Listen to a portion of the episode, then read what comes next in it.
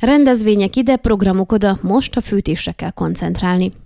Az alegységek energiaköltségeire 635 ezer lejes költségvetés kiegészítést hagyott jóvá a Székelyudvarhelyi önkormányzati képviselő testület a legutóbbi ülésén. Némelyik intézménynek csak az utolsó negyedévre annyi pénzre van szüksége, mint tavaly egész évben összesen. Amint az Zörgő Noémi, a Székelyudvarhelyi Városháza szóvivője érdeklődésünkre példaként elmondta, a művelődési ház fűtés költsége 243 ezer lej volt tavaly, idén viszont csak az utolsó negyedévre 218 ezer lejes költségvetés kiegészítést kapott az energiaszámlák kifizetésére, de még ez se lesz elegendő az év végéig, tehát a későbbiekben ki kell egészíteni. A könyvtárnak 267 ezer lejes költségvetés kiegészítésre volt szüksége, ami nagyobb, mint a tavalyi egész éves fűtés költsége. A város tanintézeteinek a költségvetését összesen 1,18 millió lejjel kellett kiegészíteni, hogy legyen pénzük évvégig a fűtés és villanyszámlák kifizetésére. Akár csak számos iskola, a város kulturális intézménye is akkor kerültek nehéz helyzetbe, amikor a Hárgáz RT egy évvel ezelőtt lemondott gázkereskedői engedélyéről az energia árak elszabadulása miatt. Ezek az intézmények a néhány hónapos türelmi időszak alatt új szolgáltatót kellett találjanak a szabad piacon, és az energiaárak rendkívüli drágulása miatt a korábbinál jóval magasabb áron tudtak csak szerződéseket kötni. Ez alatt a gáz megavattóránkénti ára 3500 lejre nőtt, miközben korábban 96 lej volt érzékeltette a drágulás mértékét a hivatal szóvivője.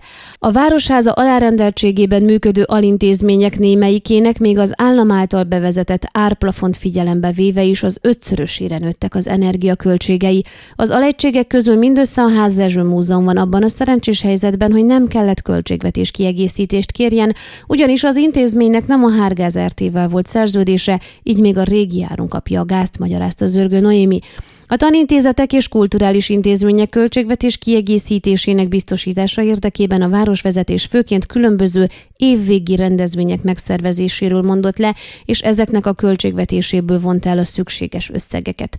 Az alintézményeknek, az oktatási intézményeknek is a város fizeti a fűtését, és a többletköltséget a városnak valahonnan elő kell teremtenie. Az év elején a költségvetés elfogadásakor már lehetett ugyan számítani a drágulásra, de annak mértékét nem lehetett előre kiszámítani.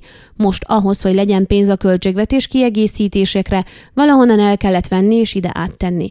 Az év elején a költségvetésben jóváhagyott, a következő időszakban esedékes rendezvényektől vette el a pénzt az önkormányzat és fűtésre csoportosította át, tehát több területen óhatatlanul érződni fog, hogy most a fűtésre és a villanyszámlákra koncentrálunk, fogalmazott a Városháza szóvivője.